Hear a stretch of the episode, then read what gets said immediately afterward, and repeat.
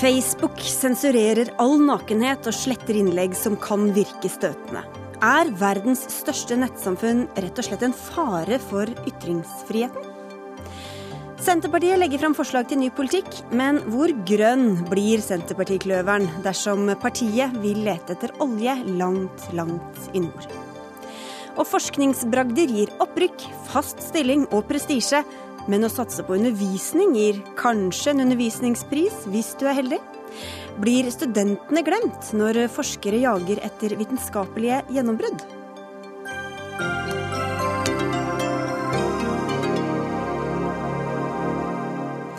Dette er Dagsnytt 18 i NRK P2 og NRK2. Jeg heter Sigrid Solund. På Facebook har debatten om Facebook rast denne uka. Det begynte med at forfatteren Tommy Egeland la ut det ikoniske bildet av den nakne jenta som løper fra napalmbombingen under Vietnamkrigen. Bildet ble fjernet av Facebook, for verdens største nettsamfunn tillater ikke nakenhet. Så strømmet reaksjonene på, og en rekke nordmenn la ut det samme bildet eller lignende bilder. Og mange av oss har Facebook som den viktigste kilden til nyheter, men hva slags virkelighetsbilde er det egentlig vi får presentert der? Anine Kierulf, du er postdoktor ved Senter for menneskerettigheter ved Universitetet i Oslo. og Du var en av dem som la ut dette bildet sammen med flere andre på din Facebook-side. Og i tillegg skrev du en tekst der du satte spørsmålstegn ved Facebooks sensurregler. Hva skjedde? Jeg lastet opp noen forskjellige bilder. Eh, litt Michelangelo. Prøvde, prøvde det. Det ble sensurert. Eh, de ville ikke ha David-statuen. Eh, litt Da Vinci. Litt Donald Duck. Napalmpiken. En aktmodell, noen andre. Bare for å se rett og slett hvordan de praktiserer denne regelen, for det er ikke så godt å skjønne ut fra dens formulering. Først røk aktmodellen, så røk napalmpiken. Og etter en stund så røk hele posten med teksten. Det siste syns jeg jo var uh, urovekkende. De hadde jo vist at det var fullt mulig å ta bort bare bildene, men de valgte også å ta bort teksten. Uh, det som ble, har blitt veldig tydelig for meg uh, gjennom den episoden, og for så vidt etterpå, det er jo med alle de historiene jeg har hørt underveis her, det er jo hvor vilkårlig En ting er at regelen i seg selv er uklar, altså grensen for ytringsfriheten mellom ytringsfrihet på den ene siden og nakenhet. Veldig uklar. Praktiseres overfor kunstverk, dokumentarfotografier osv. Eh, måten regelen håndheves på, er, virker helt tilfeldig. Noen steder ligger napalmpiken ennå, har ligget der i to måneder. Eh, og muligheten for å påklage eller etterprøve de vurderingene Facebook gjør, de er helt utilgjengelige. Vi vet ikke hvordan vi skal nå dem. Eh, og de praktiseres også helt inkonsekvent. Noen får svar, noen får ikke svar. Enkelte, som en kunsthistoriker her i Oslo, som bare hadde gjort den feil å, å kritisere kunstpolitikk, Eh, er blitt utestengt fullstendig og får ikke komme inn igjen. Og den eneste begrunnelsen hun får, er av sikkerhetshensyn. Vi må bare si at vi i Dagsnytt 18 har prøvd både denne uka og tidligere å invitere Facebook til debatt, og de sier nei eh, hver gang. Men hvorfor er det så viktig hva Facebook lar ligge og ikke? Facebook har jo etter hvert blitt en veldig stor offentlighet. Det er ikke noe tvil om at de er i sin juridiske rett til å gjøre dette gjennom sine avtalevilkår. Eh, men når de har blitt en så stor og viktig offentlighet som det de har blitt, de er jo til dels tatt over kommentarfeltvirksomheten til de redigerte norske medier, andre medier også. Eh, enkelte undersøkelser viser at mange ungdommer får sine nyheter primært fra Facebook. De er blitt en samfunnsaktør, men de har blitt en samfunnsaktør som ikke tar samfunnsansvar.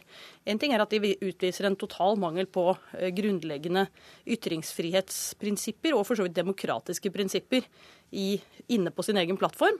Men det at de ikke engang vil delta i debatten i den større offentligheten, altså i, i her f.eks., eller i andre medier, det vitner jo om at de virkelig ikke tar dette ansvaret sitt som eh, samfunnsaktør på alvor. Ingeborg Woland, du er utviklingsredaktør i Adresseavisa. Nine Kierulf sier det er helt vilkårlig og ganske vanskelig å forstå hva som egentlig er reglene på Facebook. Kan du eh, hjelpe til med å forklare? Jeg kan alltids prøve, men jeg er ikke sikker på at det blir så mye klarere av det. Eh, noe av utfordringa her ligger jo i det at Facebook har gitt seg sjøl si, en vanskelig oppgave i å prøve å lage et system som skal være likt over hele verden. Eh, og da velger man en sånn slags minste fellesnevner av hva man antar er akseptabelt. Eh, med en slags slagside til noe som er akseptabelt i California, hvor man sitter og utvikler Facebook. Um, også det som jo faktisk skjer i det øyeblikket noen legger ut et bilde eller et innhold som uh, muligens kan tenkes å være i strid med Facebook sine innholdsregler, er uh, at Facebook gjør ingenting med det før noen en eller annen bruker på Facebook rapportere det til Facebook og si her er det et innhold vi oppfatter som støtende eller uheldig. Ja, de har ikke noe selvstendig at de går inn og liksom sjekker og, og sensurerer? I hvert fall har de avvist det i alle sammenhenger. Så jeg må gå ut ifra altså, Vi har ikke sett noe som sier noe annet. Um, og det de da sier, er at da er det alltid et menneske som sitter og vurderer om det aktuelle innholdselementet er i strid med de retningslinjene de har. Ehm, for Norden sitt tilfelle så skjer de fleste av de vurderingene på Facebook sitt europeiske hovedkontor i Irland. Eh, hvor de også sier at det hovedsakelig også skal finnes folk med nordisk språkbakgrunn som er i stand til å plukke opp eh, hva er konteksten her. Og så ser vi jo da, sånn som i denne siste uka, at det her henger jo fortsatt ikke helt på grep. Det kan være litt Google Translate inne i bildet her også. men, eh, men eh, kjære Ulf, hvorfor skal vi i det hele tatt ha en forventning om at Facebook tar eh, samfunnsansvar og hegner om ytringsfriheten? Det er jo et privat, kommersielt nettsted, rett og slett. Ja, men ut fra Facebooks egen, eget ønske og egne ambisjoner, nemlig å bli et verdensomspennende samfunn som bygger, binder oss alle sammen. De vil at vi skal bruke mest mulig tid der. De vil egentlig at vi skal være mest mulig glad i Facebook. Vi blir ikke glad i Facebook hvis de opptrer på denne måten, og hvis det er så vilkårlig eh, og det stadig kommer nye rapporter om dette, eh, så kan du si at de kan sitte stille akkurat nå og vente til det går over. Eh, og det er jo stort sett det de har gjort. Men du ser jo også at hvis pressgruppene blir store nok, og hvis den dårlige PR-en, det er jo et kommersielt selskap, de er jo avhengig av god PR, hvis den dårlige PR-en blir tilstrekkelig, så gjør de noe med sin fremtreden. Dette viste seg jo gjennom Altså Sånne ammebilder ble også rammet av dette nakenhetsforbudet. Eh, der snudde Facebook etter hvert og sa OK, det er fint, vi er jo egentlig veldig for at eh, folk ammer, og vi vil gjerne at dere viser bilder av det, bare ikke vis for mye brystvorte. Mm. Så det er jo veldig klart at dette er ikke noe verdensomspennende omsorg for alle verdens kulturers uh, uh, kjenslevarhet. Dette er ren amerikansk samfunnsmoralisme. Det var en undersøkelse fra i fjor som viste at eh, som du var litt inne på, over halvparten av dem mellom 18 og 29 har Facebook som viktigste nyhetskilde. For gruppa mellom 30 og 44 år er tallet 30% Arne Jensen, du er leder i Norsk redaktørforening. Forholdet til Facebook for norske medier har vært en hodepine gjennom flere år. Hvordan illustrerer denne saken hvilken redaktørrolle Facebook har fått også i den norske virkeligheten? Det er jo et uttrykk som heter at uh, when something sounds too good to be true, it very often is. Eh, og Facebook forsøker jo å late som de er en nøytral eh, fasilitator av eh, et offentlig ordskifte, en offentlig samtale av kontakt mellom mennesker. Men de er jo ikke det. Ikke bare det, fordi de driver jo også en slags overredigering. Det, og det som vi skal huske på, det mener jeg er viktig å ha med seg, det er, for det første så er dette et frivillig system. Man er ikke tvunget til å være på Facebook. Eh, verden besto før Facebook, den kommer til å bestå når Facebook er borte. Og Med fare for å høres arrogant ut, det kan hende at det kommer til å skje fortere enn vi aner dersom man ikke er tro mot sin egen idé, nemlig å være det brede stedet som var en del av en veldig demokratisert ytringsfrihet. Eh, for i det øyeblikket man som Peter Münster, kommunikasjonssjef i Norden, sier at vi må ha ett sett med regler som gjelder enhver kulturell standard, da sier jeg lykke til. Eh, for hvis man skal ha en kulturell standard som skal favne globalt, hvor ingen skal føle seg krenket og fornærmet, så er det det verste regimet vi kan finne på kloden som kommer til å sette standarden. Og da er Facebook eh, eh, borte fortere enn de selv aner, tror jeg. Og, og altså Mark Zuckerberg har sagt at netthat mot innvandrere er en viktig del av det som vi nå har nulltoleranse mot på Facebook. Hva blir det neste man skal ha nulltoleranse mot og, og sensurere bort, og som sådan avskjære og innskrenke eh, det, det, demokratiserte ytringssystemet som Facebook var. Men hør med Woland også, for du har jo fulgt eh, nøye med på sosiale medier gjennom flere år. Hva slags ansvar tror du at de føler for meningsinnhold og ytringsfrihet og det offentlige ordskiftet hos eh, Facebook? Jeg tror det har forandra seg en hel del i løpet av det siste året. Hadde du spurt meg for et år siden, så hadde jeg sagt at Facebook definerer seg ikke som en aktør som har et samfunnsansvar. De er et IT-selskap og en forretningsaktør. Men det har skjedd en del med Facebook det siste året. Altså, Anine Kierulf nevnte eh, denne diskusjonen om ammebilder. Eh, Arne har allerede nevnt uh, hatprat og hets mot innvandrere. Altså, de er i ferd med å våkne opp til den rollen de har fått som en sånn type global fellesoffentlighet.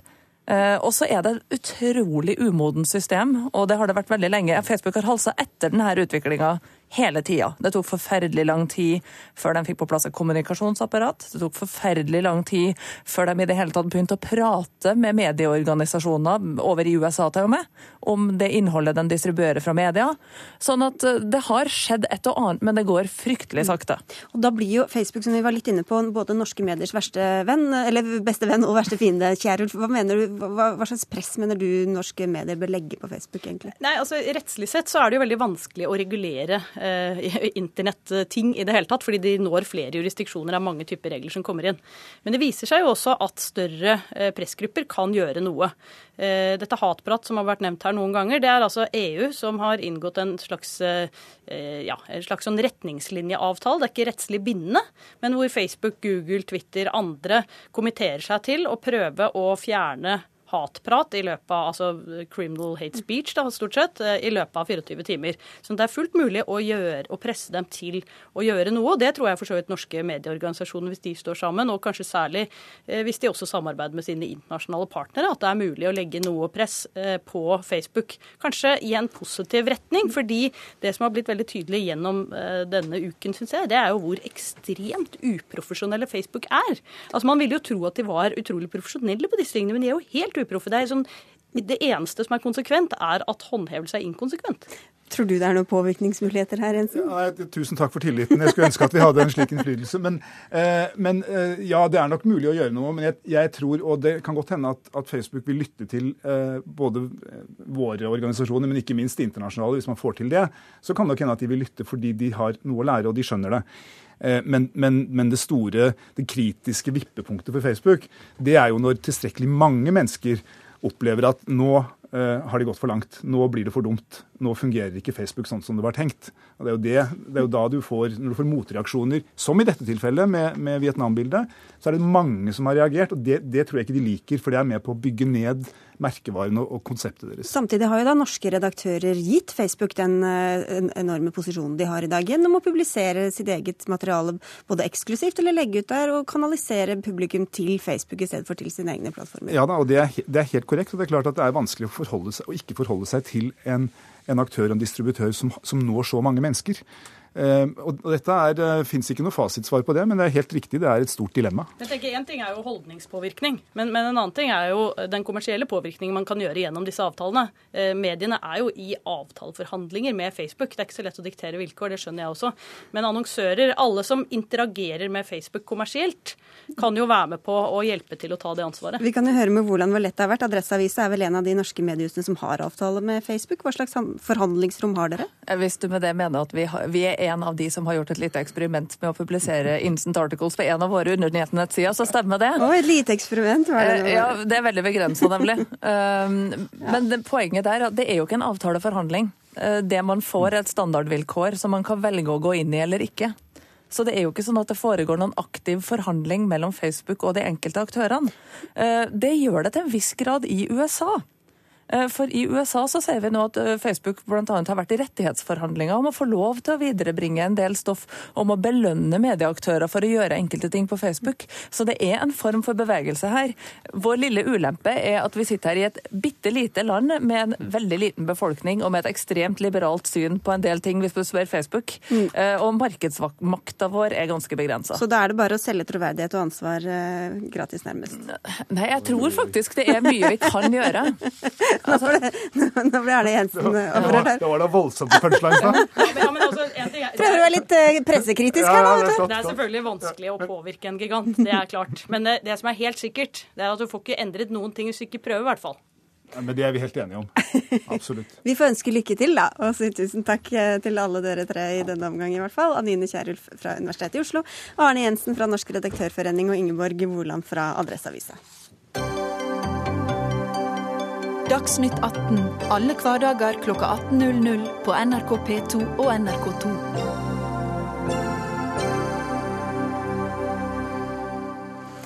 Senterpartiet omtaler seg som et grønt parti og er stolte av den grønne kløveren i partilogoen sin. Men hvordan kommer den grønnfargen til å skinne i neste stortingsperiode? I dag la eh, programkomiteen fram utkast til nytt partiprogram. Han som har ledet arbeidet, beskyldte tidligere denne uka miljøorganisasjonene for å drive med tulledebatter. Det kan vi komme tilbake til, men først Ola Borten Moe, du er altså nestleder i Senterpartiet og leder i programkomiteen. Alle tar jo til orde for et grønt skifte, men hvordan skiller deres grønne skifte dere eh, seg fra de andres? Vi er jo eh, en av de få partiene som fyller det begrepet med innhold. Ellers så er det jo mitt inntrykk at dette er blitt et fyndord som alle sammen strør eh, om seg med. Vi har et, jeg vil nesten si det mest ambisiøse klima- og miljøprogrammet i partiets historie legges, ble lagt fram i dag. Og For å ta eh, et eksempel. altså Vi har en veldig praktisk og jordnær tilnærming til hvordan vi skal få ordna opp i det her. Eh, og Det viktigste tiltaket vårt det er å ta i bruk eh, skogen og fotosyntesen. I Norge i dag så er det sånn at skogen tar opp netto halvparten av Norges CO2-utslipp. Det blir ikke regna med, men hvis du regner med dem, så synker Norges CO2-utslipp fra mellom 55 og 60 millioner tonn til i underkant av 30 millioner tonn. Grunnen til at det skjer, det er for at volumet i skogen øker mer enn det vi hogger. Eh, og Grunnen til det igjen, det er at man drev aktiv skogreising, skjøtsel, eh, stell av denne ressursen på 30-, 40-, 50- og 60-tallet. Det må vi begynne med igjen. Vi må begynne å plante, vi må begynne å stelle skogen, vi må ha et aktivt forhold til å faktisk bruke den. Eh, og så i tillegg til at man tar opp CO2, Eh, så vil vi jo ha en fantastisk ressurs som er enda mye større, som vi kan bruke til energi, som vi kan bruke til å bygge hus, som vi faktisk kan bruke til klær gjennom, bio, eh, altså gjennom teknologiutvikling. Dette er et eh, Colombia-egg som i altfor liten grad er diskutert i Norge. Skog, altså. Ellers så har du i tillegg vært ute og snakket litt om mer bygging i strandsonen. Det er jo klassiske sånne vernekonflikter med, med dere i Naturvernforbundet. Ja, men bare der det er plass uh, til det. Så der, okay. altså, Norge er ikke Oslofjorden. Uh, I store deler av landet så er det faktisk sånn at uh, problemet er at det er for lite folk og det er for lite aktivitet i strandsonen. Så det vi bl.a. foreslår og tar opp til debatt, det er jo en regel som sier at hvis kommunens strandareal ikke er bygd ned med over 30% så gjelder ikke byggeforbudet. Det er forskjell eh, på en kystkommune i Finnmark eh, og Indre Oslofjord. Ok. Jeg var i ferd med å introdusere deg, Silje Lundberg. Du er påtroppende fungerende leder i Norges naturvernforbund. Hvordan vil du si det overordna grønne profilen ligger an til å bli? Altså, jeg synes kanskje ikke at dette programmet er sånn at det er veldig mye nyttig i det, Ola. Det er mye liksom, velkjente toner fra Senterpartiet i det. Noen ting skal de ha ros for. Jeg er kjempefornøyd med at Senterpartiet nå legger frem et program som sier nei til oljeboring utenfor Lofoten, Vesterålen og Senja. For fire år siden så var det en, eh, ja, en liten kamp som vi måtte ha med Senterpartiet, og heldigvis gikk eh, landsmøtet med overveldende flertall inn for å si nei til oljevirksomhet i det området, så det er jeg veldig fornøyd med at man gjør. Eh, man, har, eh, man, ønsker å ta i bruk eh, mer av kraftoverskuddet i Norge, sånn at man f.eks. kan Naturvernforbundet ønsker at man bl.a. skal kunne bygge opp nye datasenter, det vil kunne gi arbeidsplasser, så det er bra bruk av krafta. sånn at på noen områder er det jo klart at vi er enige. Men så er det jo ikke noe, noe hemmelighet at vi også er uenige på enkelte områder. Og eh, ha en liberalisering av plan- og bygningsloven som gjør at man kan eh, bygge ut mer i strandsonen. Ett av dem Nå kommer jeg fra Nord-Norge, og i eh, kommunen som jeg bor i, der har man hatt en veldig liberal tilnærming til det, gitt ut mye dispensasjoner. Eh, og da får man en, en situasjon hvor veldig mye av strandsonen er nedbygd, og det er fritt ferdsel kan man godt diskutere om hvor mye egentlig gjelder i strandsonen.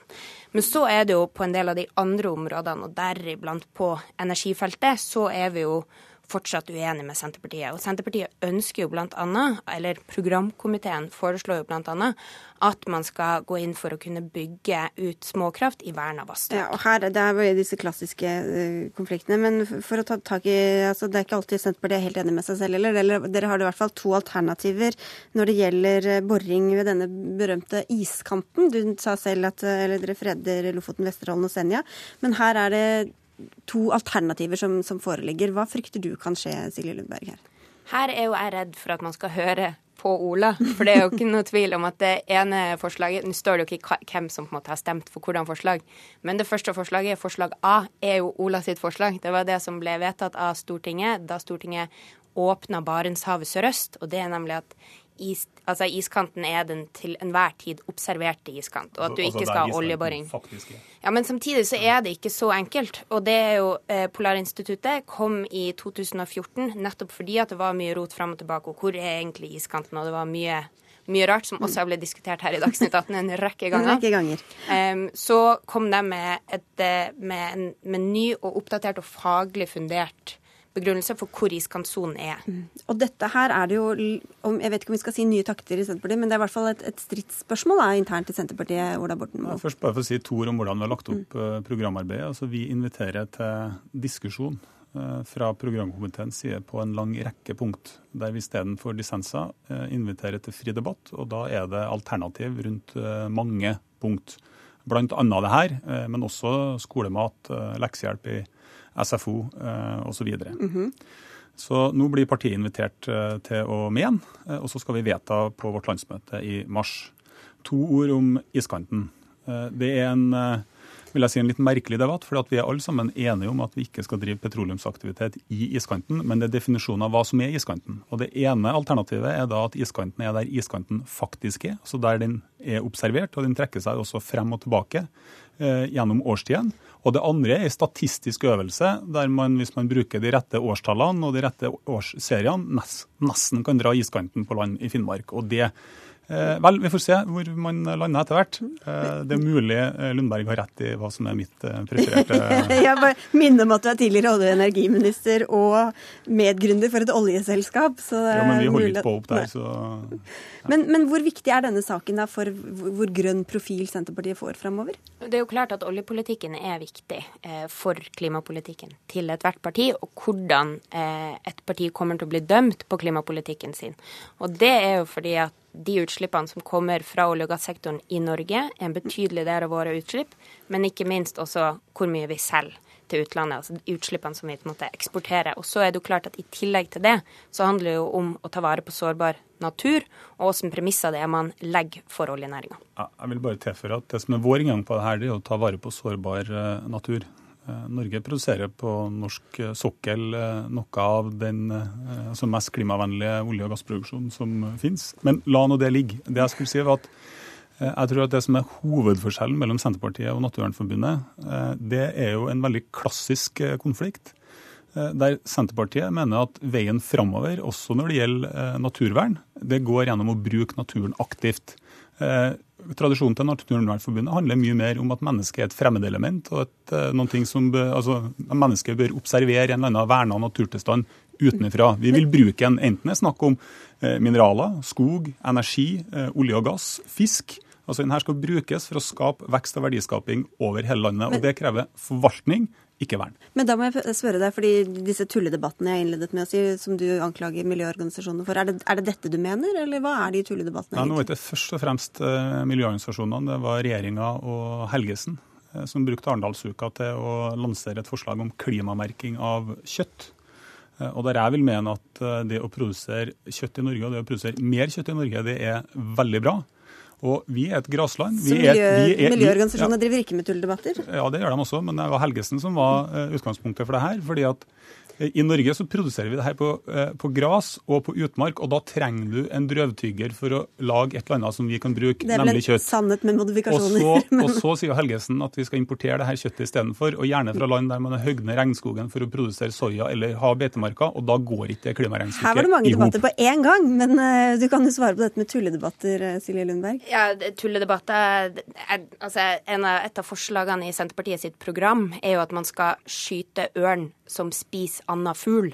Altså, det er jo sånn at hvis en havørn eh, tar og så dreper en rype, da skal man kunne skyte den. Det vil jeg si er kanskje når standarden da i, i tulleforslag. Det er som at vi skulle ha skutt spekkhoggere hvis de drepte Anna Kval. Det er litt sånn naturen sin gang i ting. Jo, skal beskatte Men så- hval også. Ja, men det, det, og det er Naturvernforbundet helt enig i, men vi beskatter ikke en spekkhogger fordi den dreper en annen, en hval. Altså, det er litt sånn, Nå må man skille arter fra arter. Men det som er- Og så er det, men også er det, for nå har du hatt ordet veldig lenge, Ola, eh, og jeg har vært veldig høflig. Jeg tenkte det var snilt siden det var så lenge siden vi hadde møttes. Men så er det altså eh, sånn at Naturvernforbundet mener ikke at mennesket er en fremmed art. Men noe av det som dere sier i deres eh, eh, programmet når dere skal diskutere eller legge fram eh, hva som på en måte er premissene for programmet for de neste fire årene, så er det at man skal ha sunt bondevett. Og det er jeg helt enig i. Men sunt bondevett er også å la naturen gå i arv. Og det er også å kunne forvalte ting på en måte som gjør at det, man har et generasjonsperspektiv. Og det er det slettes ikke at vi alltid finner igjen i Senterpartiet sitt program, som både handler om opplevelsesverdier som vi mennesker har, eh, som handler også om hva naturen gir oss, og som selvfølgelig også handler om et ansvar for å forvalte en, en art i, eller en, et økosystem i pakt med seg selv. Og her er jo ikke akkurat Senterpartiet eh, treffblink. Det er veldig kort på slutten her, Ola Borten Moe. Jo, eh, jeg vil bare trekke fram beitenæringa for å illustrere poenget. Eh, vi mener at eh, utmarka skal brukes til å produsere mat. Eh, Naturvernforbundet mener at utmarka skal brukes til å produsere rovdyr. De to tingene går ikke i hop. Og vi tar et veldig klart standpunkt til fordel for norsk landbruk og norsk beitenæring. Der var vi innom ulvedebatten også, da. Da, da fikk vi 15 debatter igjen. OK, vi får se hvor dere lander, da. Det blir spennende. Takk skal du ha, Ola Borten Moe, for at du svingte innom, og takk til deg også, Silje Lundberg.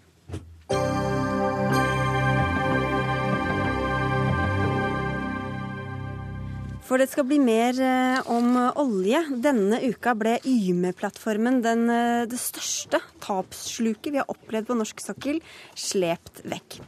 Yme produserte aldri en eneste dråpe olje, og har ligget forlatt i havet 11 mil eh, sørvest for Egersund de siste fire åra. Det canadiske oljeselskapet Talisman tapte gigantiske summer på det mislykka prosjektet. Det samme gjorde norske skattebetalere, som har dekket rundt 11 milliarder kroner av den totale regninga. For ulike skatte- og refusjonsordninger fører nemlig til at staten tar nesten 90% av kostnadene ved å lete etter norsk olje og bygge opp nye felt. Lars Haraldsen, du er olje- og industrijournalist i Teknisk Ukeblad, og du har fulgt eh, denne saken om Yme tett i mange år. Du sier det er en av de største industriskandalene vi har sett her i landet. Hva, hvorfor fortjener det en sånn eh, Nei, det, eh, det, har vært en helt ekstremt spesiell sak. Man har vel aldri sett noe lignende i Norge. Det var en utbygging som skulle koste 4,9 milliarder kroner. Eh, kontrakten ble sendt til eh, Abu Dhabi. Eh, veldig lite forståelse for, for norsk regelverk, norske forhold. Plattformen ble forsinka. Kostnadene begynte å løpe. Til nå så har det kosta mye over 14 milliarder kroner fra 4,9. Mm. Og den store skandalen er jo at den aldri har produsert én dråpe olje. Vil si uh, ingen skatteinntekter til Norge, kun om lag 90% i uh, utgifter uh, av de langt over 14 milliarder kroner. Du sier den ble bygd i Abu Dhabi, og det ble funnet altså uendelig rekke feil og mangler. Men likevel så ble den altså slept ut. Hva skjedde der? Nei, Det som skjedde, var at etter hvert, hvis jeg har forstått det riktig, da, og det tror jeg, så, så ble, ble plattformen etter hvert som den ble utsatt, så ble den også tyngre. Den skulle egentlig kunne flyte sjøl, men de måtte sette den på en lekter og, og frakte den til Norge. Da gikk de gjennom tilstanden. De telte 22 000 feil, og da slutta de å telle. Samtidig så eh, gikk tillatelsen til denne lekteren ut på å være i Norge, så enten måtte de sette plattformen på land, eller så måtte de slepe den til feltet. Det gjorde de. Der blei det fortsatt funnet altså, en uendelig rekke feil til. Uh, Aker Solutions gjorde en uh, gjennomgang for å se hvor mye som gjensto, før man kunne få denne i gang. Og da fant de ut at det ville ta tre millioner arbeidstimer før den var ferdig. Tre millioner arbeidstimer. Samtidig så gjorde de da en sjekk av plattformbeina. De hadde begynt å sprekke. Plattformen ble evakuert, og ingen kunne være der. Så i flere år sto den der helt tom. Og nå er den altså sluppet tilbake. Men hva er det ved systemet som gjør at Jeg nevnte sa 11 milliarder. Eh, forklar hvordan systemet er lagt opp som gjør at norske skattebetalere har vært med på å finansiere dette herlige gildet. Ja, jeg, jeg, skal ikke gå god for hvor mange milliarder det er, men, men uh, utgangspunktet har jo vært at når et olje- eller gasselskap selger olje og gass, så får den norske staten 78% av det. Selger du olje for 1 milliard, så tar staten 780 millioner. For å tiltrekke seg flere eh, på sokkelen, så eh, la staten opp til at leting etter olje og eh, bygging av prosjekter skulle gi en ganske solid uh, tilbakebetaling. Mm. 78% pluss det man kaller friinntekten. Uh, som uh, da har lagt lenge på 2-93% Nå ligger den på 89,2, mener jeg. Så det vil si at ved en sånn utbygging så betaler staten mye av, av alle utgiftene. Selv om det ikke har blitt produsert olje. Svein Flåtten, du er finanspolitisk statsperson i Høyre. Hvor vel anvendte 11 milliarder syns du dette var? Ja, Nå var vel ikke statens tap 11 milliarder, men uh, dette er et bilde av et uh, veldig dårlig prosjekt. Men det er ikke noe bilde av en dårlig petroleumspolitikk og en dårlig skattepolitikk for oljeindustrien i Norge. For det er som Taraldsen sier her, vi har et regime på 78% skatt, så staten får betydelige inntekter. I 2005 da oljen sto i 12 dollar og ingen ville investere i Nordsjøen, så gjorde vi i tillegg noen grep som sa at man også kunne få utbetalt altså Det er derfor Yme-feltet har fått penger tilbake, fordi man har fått underskudd, og så får man den verdien utbetalt. Det skapte stor aktivitet i Norge. Vi kan se på oljefondet. Da vi gikk inn i denne perioden, så var det på 600 milliarder. Nå er det på 7000 milliarder. Det har blitt skapt titusenvis av arbeidsplasser. Vi har en forutsigbar ja. og god skatteordning, det har, det har, og det er det viktige. Men hvorfor, hva slags kontroll har egentlig norske myndigheter når sånne saker som det her kan skje? Men det er en funksjon av systemet. De kan skje, og det ja. var man klar over når man innførte Men dette. Men har vi ikke noen liksom, kontrollmekanismer som sier at dette prosjektet virker så hasardiøst at her vil vi kanskje ikke gå inn og refusere alle disse Det er en helt annen ting. Man har jo godkjennelsesmekanismer for de prosjektene som skal gjøres. Det vil ikke jeg gå inn på, for det kjenner jeg ikke til. Men mm. altså, man får jo godkjent plan og utbyggingsplaner, og, og dette er ganske strengt. Så her har det tydeligvis vært en skandale på den siden. Men jeg gjentar, det er ikke noe bilde av en dårlig skattepolitikk. Den er tvert imot veldig god og har tjent oss veldig, veldig godt. Skapt veldig mange arbeidsplasser. La oss høre med deg, Heikki Holmås, du er energi- og miljøpolitisk statsperson for SV. Hva mener du denne saken illustrerer? Han illustrerer to ting, etter min oppfatning. Det ene er at eh, vi har et skattesystem som ikke sørger for at utbygger tar tilstrekkelig ansvar, men at eh, risikoen for prosjekter blir lempet over på fellesskapet. Eh, det andre han illustrerer, er hvor dårlig det var av en del oljeselskaper å sette ut anbud til helt andre steder i verden der de ikke kjente til norske standarder. Men la meg begynne med skattesystemet. fordi at Det er et kjempeproblem etter min oppfatning at oljenæringen har skattefordeler som ingen andre næringer har. Det bidrar til kostnadssprekker, sånn som, jeg, sånn som i, i, denne saken med, med Yme. Det andre er at det dreier investeringer fra fastlandsnæringslivet og over på oljen. Og det tredje er at det bidrar ikke til å nå de klimamålene som vi ble enige om i Paris, ved at vi subsidierer oljenæringen i realiteten gjennom å gi skattefordeler på 20 milliarder kroner i året istedenfor å satse annerledes. Jeg vet at det er veldig store uenigheter hvorvidt eh, man skal kalle dette subsidier eller ikke, så vi lar det ligge, Flåtten. Men vi kan ta tak i det midterste Heikki Holmås sier. Altså hvorfor skal oljenæringa favoriseres framfor annen landbasert for fornybar eh, teknologi og, og utbygging. Oljenæringen betaler jo i tillegg store CO2-avgifter, og 78% skatt er betydelig. Og når Holmås er så misfornøyd med dette skattesystemet, så må vi igjen skru klokken litt tilbake, men ikke fullt så langt. I perioden fra 2005 til 2013 så satt SV i en regjering. Oljeprisen tenderte opp mot 120 dollar. Kristin Halvorsen var finansminister. SV gjorde ingenting for å endre på den beskatningen, bortsett fra en bitte liten ting i, i, budsjettet for 2013. Og hvis vi ser fremover Ja, og Da er mitt spørsmål altså, hvorfor skal man ha så andre regler som i hvert fall eh, stimulerer så mye mer da, til, til, at oljebransjen skal bygge ut, enn til at f.eks. For fornybarbransjen skal bygge? Jo, fordi at her er risikoen mye, mye større. Og når vi ser fremover, som programlederne sier, mm. så la oss gjøre det. La oss se, Er det nå tiden som jeg skjønner Heikki Holmås vil, å skru til de insentivene som gjør at noen i det hele tatt vil investere på en 40-50 dollar, akkurat den situasjonen vi hadde tidligere. Kjempefarlig. Vi har allerede mistet tusenvis av arbeidsplasser i oljenæringen. Det Heikki Holmås nå vil gjøre, som han ikke gjorde i disse åtte årene, kan sørge for at enda flere forsvinner. Ja, fordi Det er vel kanskje en grunn til at man ikke gjorde noe med det. Hvor godt syns du det har tjent norske staten at man har hatt disse systemene? Altså, Det er jo ingen tvil om at uh, vi prøvde å gjøre noe med dette. Det er jo ikke noe tvil om at uh, oljelobbyen hadde makt i løpet av hele den perioden når vi satt i regjeringen. Men det var faktisk sånn at vi skrudde til på slutten av regjeringsperioden. Og senk... Ja, bitte litt. Og, og jeg vil si Jeg vil gjerne si at vi skrudde faktisk til fordi vi mener at dette er galt.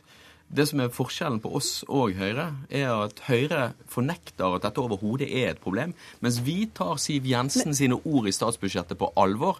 Der sier Siv Jensen følgende. Altså, de sier at i petroleumsbeskatningen er de investeringsbaserte fradragene høyere enn de skal være i en nøytral skatt. Skatteutgiftene av for høye investeringsforslag anslås til 20 milliarder kroner i budsjettet for 2014. Og da sier jeg er det riktig i den tiden vi går inn i nå, å bruke 20 milliarder kroner årlig på å sørge for å, å, å, ha skattefordeler for oljenæringen, når det vi trenger er en omstilling av det vanlige næringslivet på land til nullutslipp? Og svaret mitt det er nei. Og svaret hans er dette er ikke noe problem overhodet. Det syns jeg er for passivt. Det jeg sier er at det er fortsatt riktig i den situasjonen vi nå er i. Jeg tror du skal få store problemer med å forklare dette for den olje- og serviceindustrien som nå befinner seg i vanskelig situasjon nettopp pga. lave oljepriser ja, og liten investering. Det er vel ikke så rart at de, de ønsker å ha det samme regimet. Men vi skal bare få inn en fjerdeperson her også. Te, også Theodor Sven Nilsen, du er oljeanalytiker i Svedbank. Bare først for å spørre, er det flere sånne tapssluk à la Yme som ligger og vaker rundt omkring langs norskekysten? Ja, jeg må først bare si at jeg har veldig stor forståelse for at denne debatten her dukker opp når oljeprisen faller, når Yme har gått i veggen, for å si det forsiktig, og på en måte lønnsomheten ikke er helt hva den er. Så på en måte blir det mye mer synlig sant, i skatteordningen vi har hatt i Norge, som vi har hatt i alle år. Eh, og så, eh, om det er sannsynlig at vi får flere Ymer, eh, sånn som prosjektporteføljen er på norsk sokkel nå, så det, ligger vel det eventuelt veldig langt nedi eh, løypa. Så svaret på det er vel, er vel, nei, og i hvert fall i den størrelsesorden. Um, men jeg har bare lyst til å kommentere et par ting som, som, ble sagt her i forhold til at altså, Det ble jo nevnt ordet subsidier, og må jeg bare føye meg inn i det, det Flåtten sa her, at det er det er vel såpass langt unna sannheten du kommer, da, for et oljeselskap betaler faktisk 78% skatt på alt overskudd. Det var det jeg sa vi ikke skulle inn i, da. Eh, ja, så, eh, men, men, jeg syns uansett det er et ord som er såpass misbrukt i denne debatten her, så det er egentlig viktig å slå ned på det, og det, det hører ikke hjemme i den, i den, skattedebatten, egentlig, for det er ikke subsidier. Men altså... La, la, meg bruke ordene som Siv Jensen sjøl eh, bruker, og det er for høye investeringsfradrag, og hun anslår det beløpet til å være 20,8 milliarder kroner. Så lar vi Hva det ligge med det. det liksom, Nei, det betyr jo at du får en skattefordel som er høyere enn det du ville fått i et nøytralt skattesystem. Og Det gjør altså at når du investerer på sokkelen, så, du, så tar staten 90% av risikoen ved investeringen. Ja, mens hvis du er på fastlandet, så tar staten 25% av risikoen ved investeringen. Og jeg mener altså at i den tiden der vi går inn i nå, så er det feil å bruke dette ekstraordinære skattefradraget som gir en 20 milliarder kroner til oljeindustrien, istedenfor å sørge for å bruke dette her på å omstille norsk næringsliv. Det skjønte jeg, men, men jeg vil bare spørre Sven Nilsen om en ting. Er, er, det gitt Det er ikke riktig. Det, og, og så sier dere liksom vi har tjent veldig godt på dette. Det har vi jo. Men er det gitt at vi vil tjene like mye på det framover? Eh, det, det, er selvfølgelig et spørsmål om uh, hva oljeprisen blir. Hvis du ser på Oljedirektoratets estimater, så er jo ikke mer enn halvparten av, ressursene på norsk sokkel eh, produsert. Eh, vi har jo nettopp funnet et kjempestort felt i Norge Johan Sverdrup, som kommer til å generere skatteinntekter på, på dagens oljepris på 500-600 milliarder kroner.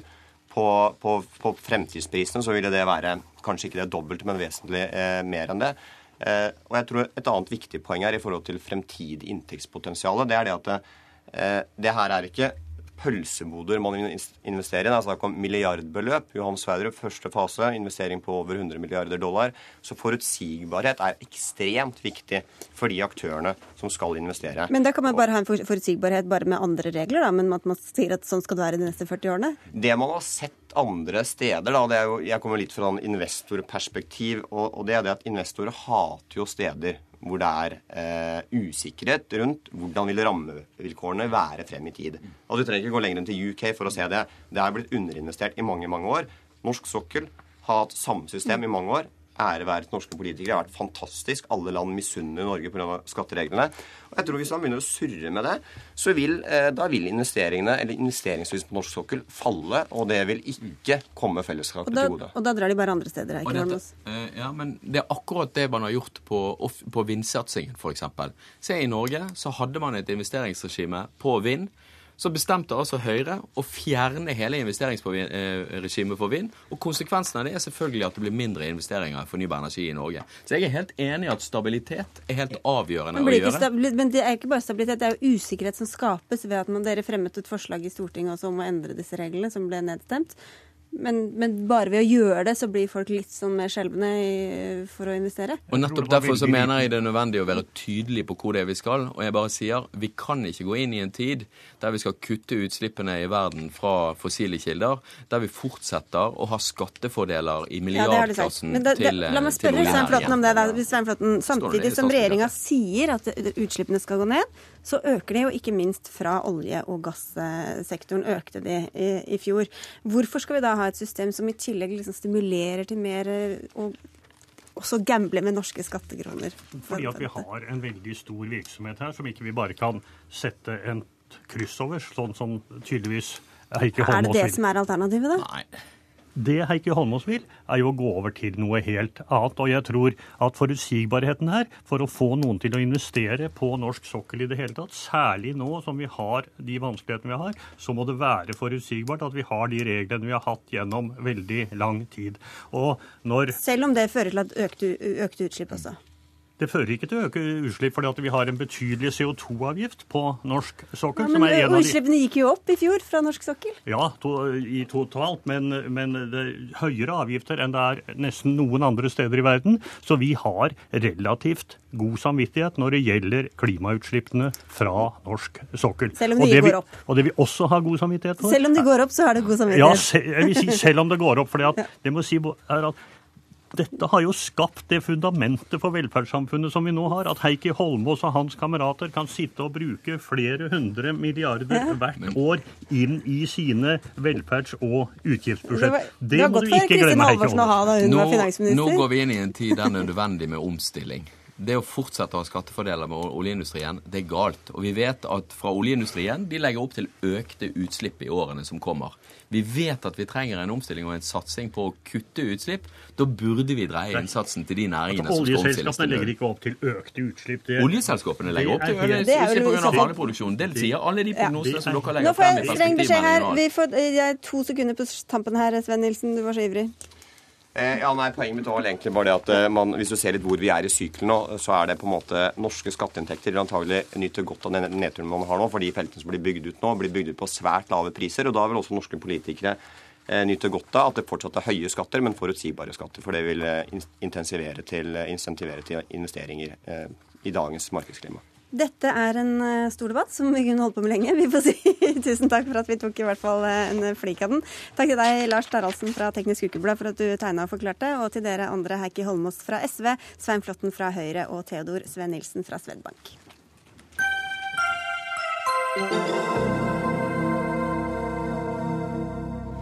For nå skal Dagsnytt 18 til Storbritannia og til det som har vært ukas store snakkis der, nemlig Traingates. En sak som satte Labour-leder Jeremy Corbyn i et dårlig lys, og gjorde ham ganske irritert på en pressekonferanse for et par dager siden.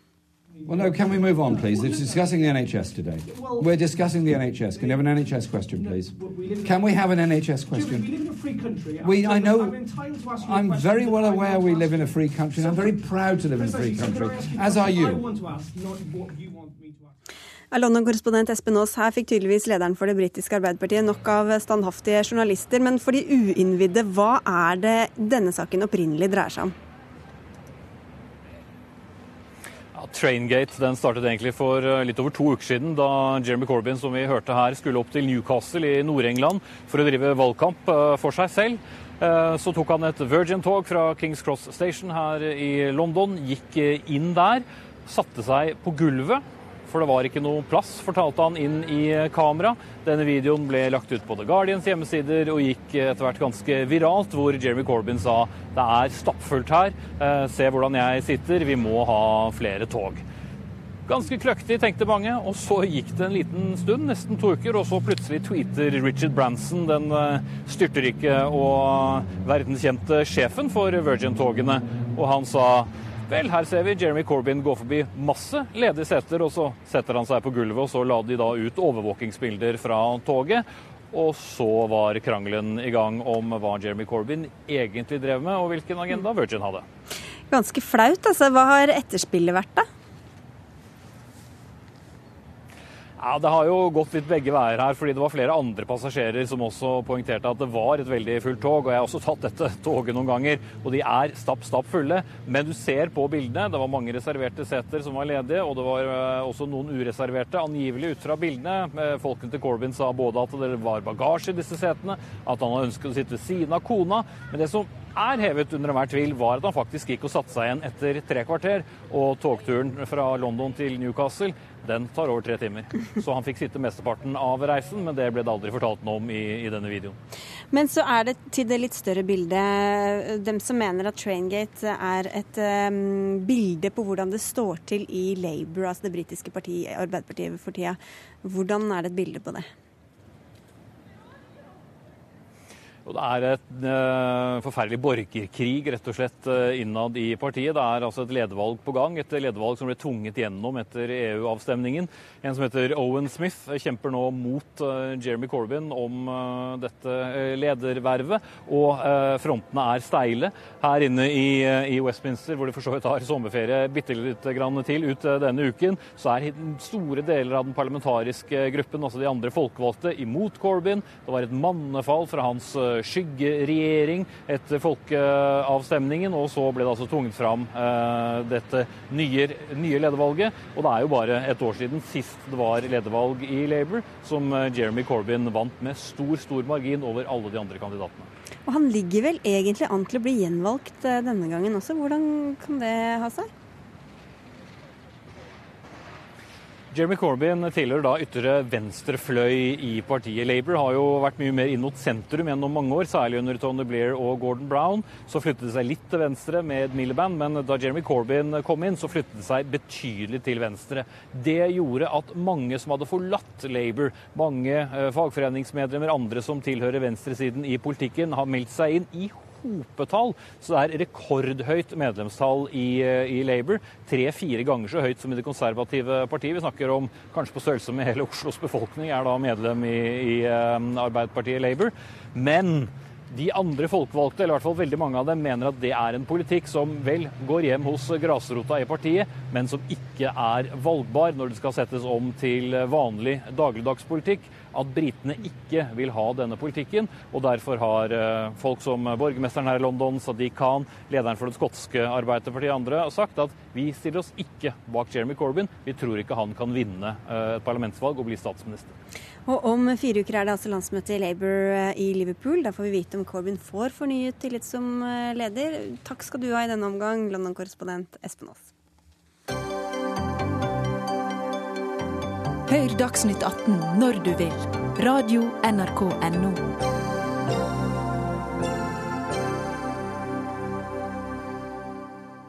Lange køer inn i overfylte auditorier på X-FIL-forelesning, og undervisere som jobber i 13 år for å få fast stilling. Sånn beskrives eh, hverdagen ved Universitetet i Oslo i Morgenbladet i dag.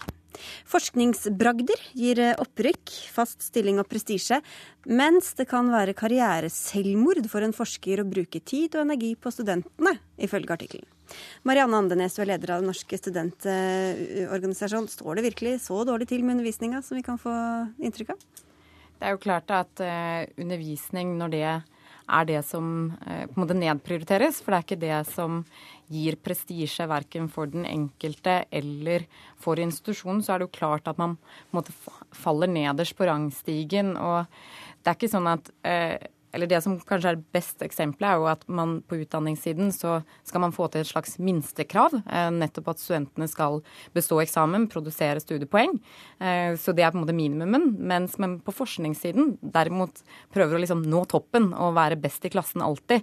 Og det gjør jo at når man bare skal være god nok på undervisningssiden, så faller det Og så går det jo på bekostning av studiekvaliteten til studentene. Og så ser man jo også at det er veldig mange studenter. Mm. Eh, og jo flere studenter, så er det også behov for flere som kan undervise.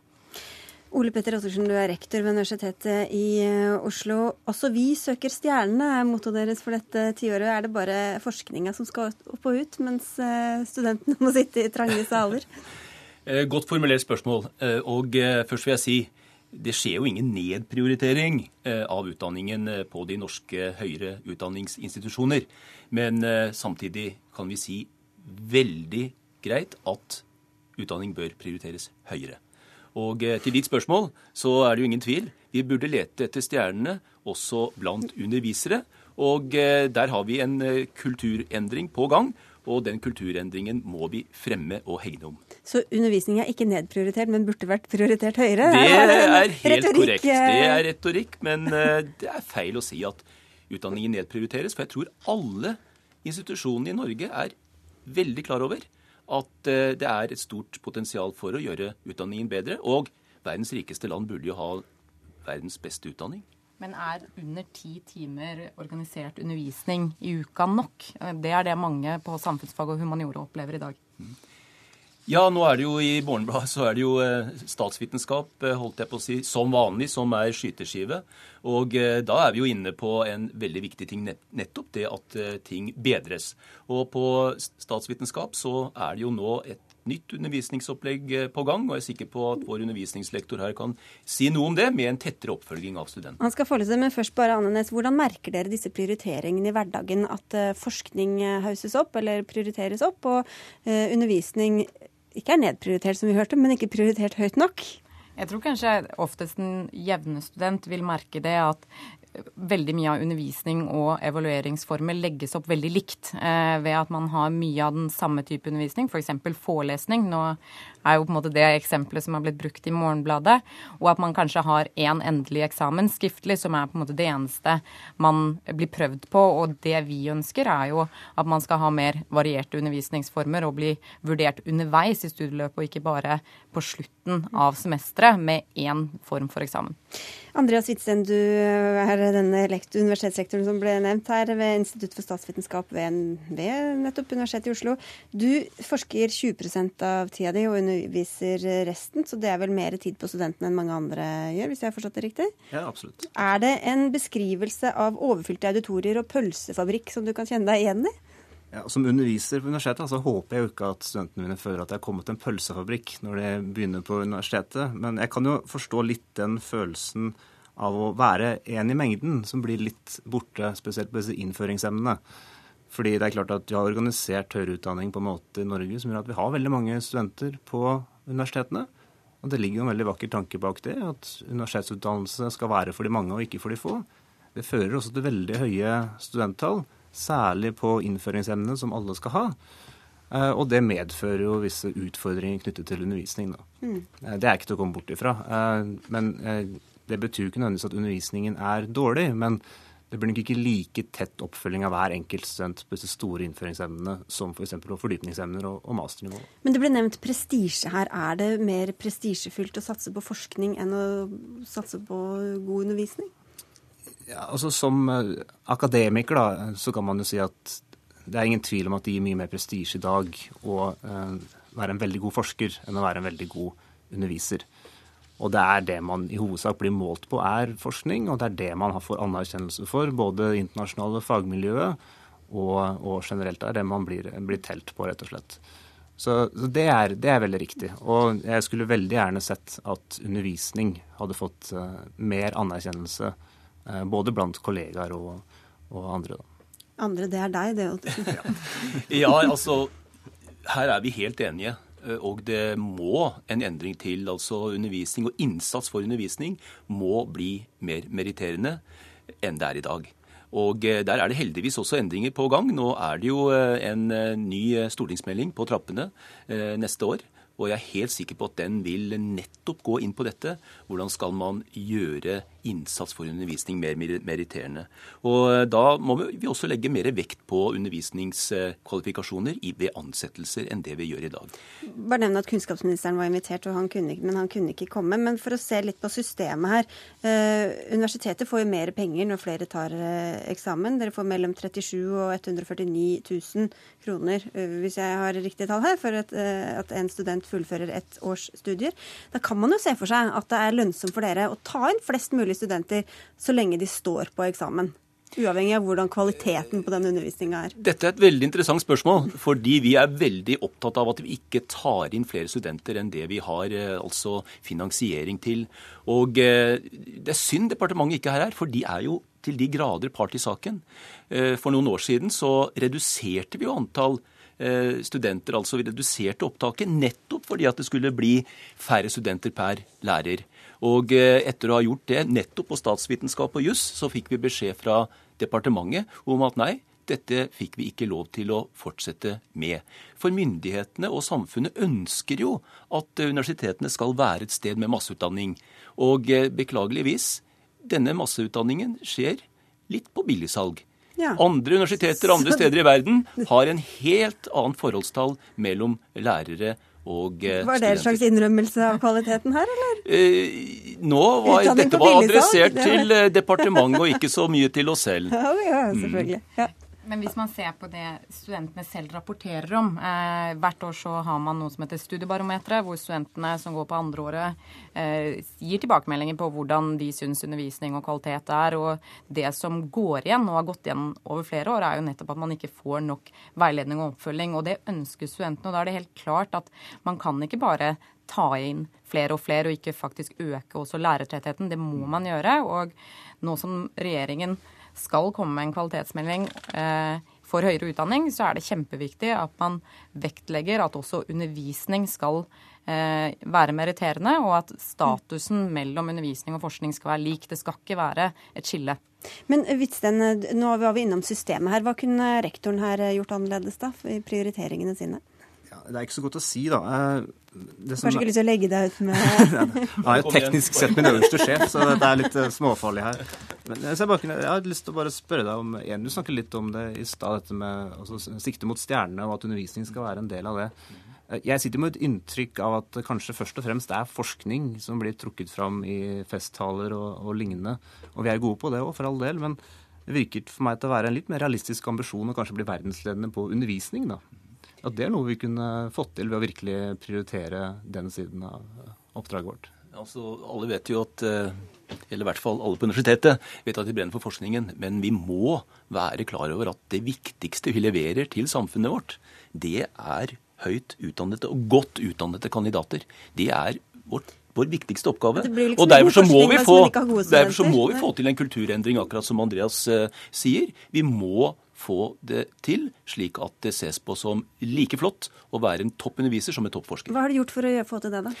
Vi har jo undervisningspriser, det er nå én ting. Vi har, eh, ja, vi har en årsplan. Eh, som sier veldig tydelig at eh, vi prioriterer undervisning på like linje med forskningen. Og så bygger vi opp, og det er veldig viktig, vi bygger opp et mye bedre støtteapparat enn det vi har hatt før eh, for våre undervisere. Men det tar tid.